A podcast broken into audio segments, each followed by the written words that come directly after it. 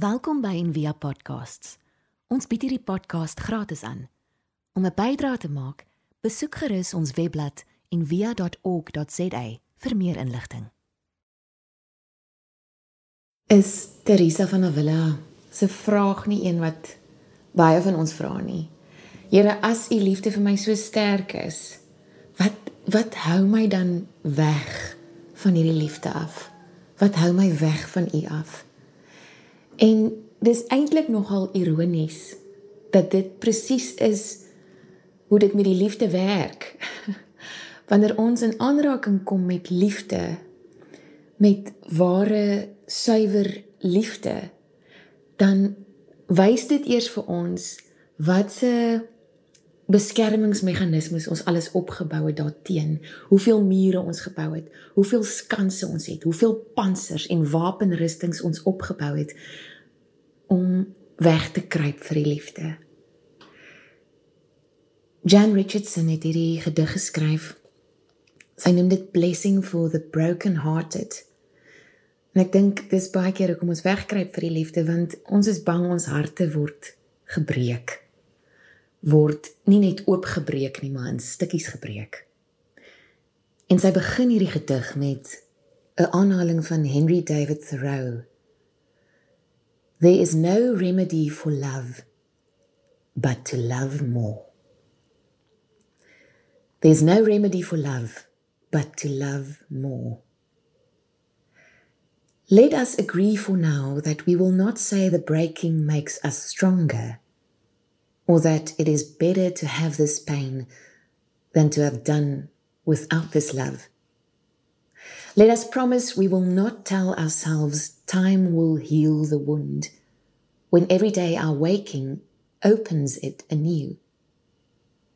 Perhaps for now, it can be enough to simply marvel at the mystery of how a heart so broken can go on beating as if it were made for precisely this. As if it knows the only cure for love is more of it. As if it sees the heart's sole remedy for breaking is to love still.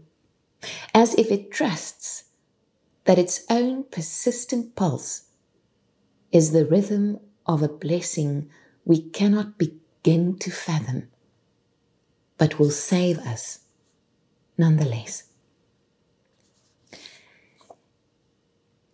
Theo het in die afgelope 2 Sondae gepraat oor die deel uit Johannes 21 waar waar Jesus vir Petrus vra um, of hy hom liefhet. En die gedeelte wat dit vooraf gaan staan Jesus op die strand en Petrus hulle het teruggegaan na hulle oorspronklike beroep, um die van vissermanne. En dit is na Jesus opgestaan het en Jesus staan op die strand en hulle het alweer die hele nag nie vis gevang nie en Jesus sê gooi die nette uit aan die regterkant van die skip. Maar hulle weet nog nie dis Jesus nie. Weet nie of hy te ver was of dit te mistig was nie. En hier trek hulle die nette uit en hulle vang 'n eislike hoeveelheid vis. Ek dink is 153. Is dit nou 153? Ja, 153 in getal sê die Bybel. En Petrus toe hy agterkom dis Jesus, hulle was hy was kaal gewees sê die Bybel want hy was besig om te werk, dis verskriklik harde werk. Trek sy klere aan en spring in die water. Nou ons neem aan dat hy in die water gespring het op pad na Jesus toe.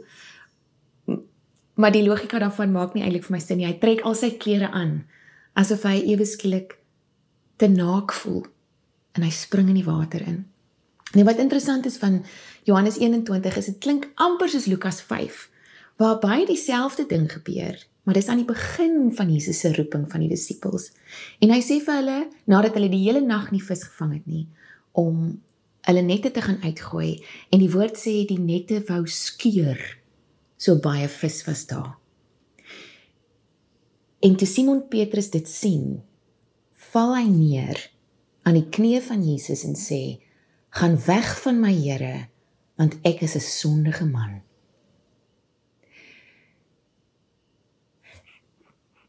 Liefde die teenwoordigheid van God as suiwer liefde het baie keer 'n manier om om ons eers buite onsself te wil uitvat omdat ons besef waarvan ons gemaak is stof en tog is dit hierdie selfde onvoorwaardelike suiwer liefde wat ons nooi na diep selfliefde toe en dit is die vraag van die oggend wat sê ek presies as ek sê ek het myself lief?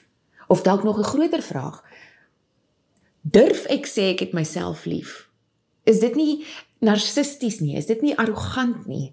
Uh, is dit nie onbybels nie? Want die Bybel sê ons moet selfloos wees. Maar Jesus het nooit die bevel gegee dat ons onsself moet lief hê nie. Hy het dit as 'n gegewe aanvaar. Hê mekaar lief soos julle julleself liefhet. En um Robert Holden wat een van die aanbieders is van die kursus Living as Love wat baie van um mense by en via nou weer saam doen. Hy vertel hierdie storieetjie. Uh ek laat dit nou klein klink 'n storieetjie. Dis eintlik 'n 'n 'n magtige verhaal. Maar kort van dat hy sy 3-jarige dogtertjie op die gras sien lê het, maar vir 'n paar ure. En hy gaan toe na haar toe en hy vra vir haar of daar iets fout is, want sekerlik moet daar iets fout wees. En sy sê, "No, I'm just lying here feeling beautiful." En hy sê die eerste gedagte in sy kop was, "Is that even allowed?" Is dit hoegenaamd toegelaat? om net daar te lê en mooi te voel. Om net daar te lê en jouself lief te hê. En hy sê dit het dit het 'n diep misverstand, 'n miskonsepsie oor selfliefde vir hom oopgevlek dat hy nog al die jare gedink het dit is iets wat hy moet verdien. Dat dit iets is waarvoor hy moet hard werk. Dat dit iets is wat nie sommer net kan gebeur nie, dat dit 'n werkwoord is. En dit is nie of dis nie net 'n werkwoord nie. Selfliefde is jou geskenk aan die wêreld. Selfliefde is jou geskenk aan die wêreld.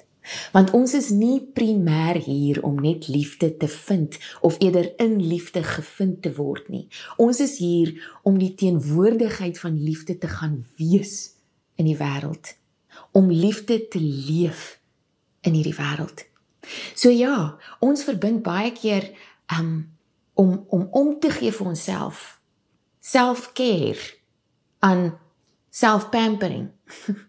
om jouself te vat vir 'n vir 'n vir 'n lekker facial of 'n of 'n mani of 'n pedi of of 'n of 'n massage. En dit is baie keer deel daarvan. Hallo kykie. Maar self-pampering is baie keer 'n 'n crappy troosprys vir hoe ons onsself behandel. Ek moes 'n jaar terug gepraat het oor selfliefde. En min sou ek weet dat dat daar baie in 'n jaar kon gebeur dat dat iets wat by jou mond uitkom, dat uh, 'n uh, boodskap lank vat om werklik pos te vat en miskien oor 'n jaar lyk dit lyk dit weer anders. Maar ek moes hierdie jaar besef dat ek soos baie ander ma's met klein kindertjies wat werk of of net eenvoudig om 'n mens te wees deesdae vat soveel tyd. Ek het nie tyd vir self-care in daai sin van die woord of self-pampering nie. So ek moet leer om myself lief te hê in elke oomblik terwyl ek besig is met my kinders. As ek 'n verkeerde of nie goeie besluit gemaak het nie. As daar iets by my mond uitgekom het. Ek kan nie verval in die troosprys vir selfliefde wat hopeloosheid is of selfbejammering nie. Want dis baie keer hoe ons dink ons nou onsself moet lief hê, onsself beskerm. Ek moet val in 'n diep selfliefde. En in living as love word dit so mooi um uiteengesit hoekom selfliefde jou geskenk aan die wêreld is. Hoe meer jy jouself liefhet, hoe minder oordeel en kritiseer jy die mense wat jy liefhet. Hoe minder beskuldig jy ander daarvan dat hulle jou nie liefhet nie. Hoe meer jy jouself liefhet, hoe makliker maak jy dit vir ander om jou lief te hê. Hoe minder teleurgesteld sal jy wees in ander. Hoe minder sinies sal jy wees oor jou kansse om lief te hê en liefgehad te word. Hoe minder gaan jy ander mense se liefde vir jou toets. Hoe meer jy jouself liefhet, hoe minder sal jy wegkruip vir die liefde. Hoe minder sal jy voel of jy jouself moet verdedig. Hoe minder geneig sal jy wees om jouself af te sluit. En hoe meer sal jy wil teenwoordig wees om op te daag vir jouself en vir die wêreld. Jesus wou ook vir Petrus leer dat selfliefde om om tuis te kom nadat jy nou in aanraking gekom het met met met 'n verskriklike hoeveelheid genade wonderwerk liefde onvoorwaardelike liefde in 'n persoon wat Jesus is in God As jy nou jouself in die gesig gestaar het en weet jy's net 'n mens en jy kan hierdie wonderlike liefde nie nie begryp nie. Jy kan dit nooit begryp nie. Aan die ander kant daarvan is die uitnodiging om tuis te kom in jouself in. Om jouself as geliefde deur God se oë te sien. En dis 'n reunie En ek dink baie keer ons siege, ons siel weet dit. Ons siel weet dit, dis ons persona. Dis hierdie meganismes wat ons opgebou het wat dit nie kan begryp nie. Die die psalmdigter in Psalm 139 skryf: Here, U deurgrond my en ken my. U ken my sit en my opstaan. U verstaan van ver my gedagte. U sluit my in van agter en van voor en u lê u hand op my, want u het my niere gevorm, my in my moeder se skoot gewewe. Ek loof u omdat ek so vreeslik wonderbaar is. Wonderbaar is u werke, want as ek kan sien hoe wonderbaar ek is, kan ek ook sien hoe wonderbaar u werke is. En dan sê hy: en my siel weet dit al te goed. Ons siele weet dit. Selfliefde is 'n reunie, 'n hereniging van my met self. Van van hierdie alles waaruit ek bestaan met my siel. Die uitnodiging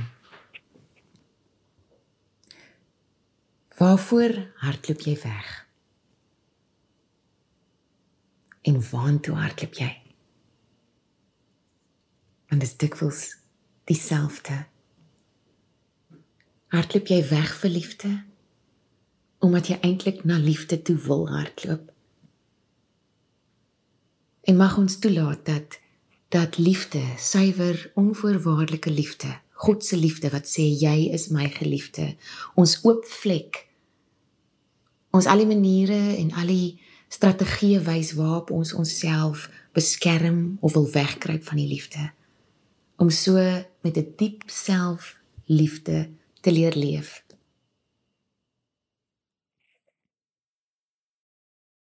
Ons hoop van harte jy het hierdie podcast geniet of raadsaam gevind. Besoek gerus en via.ok.za vir meer inligting.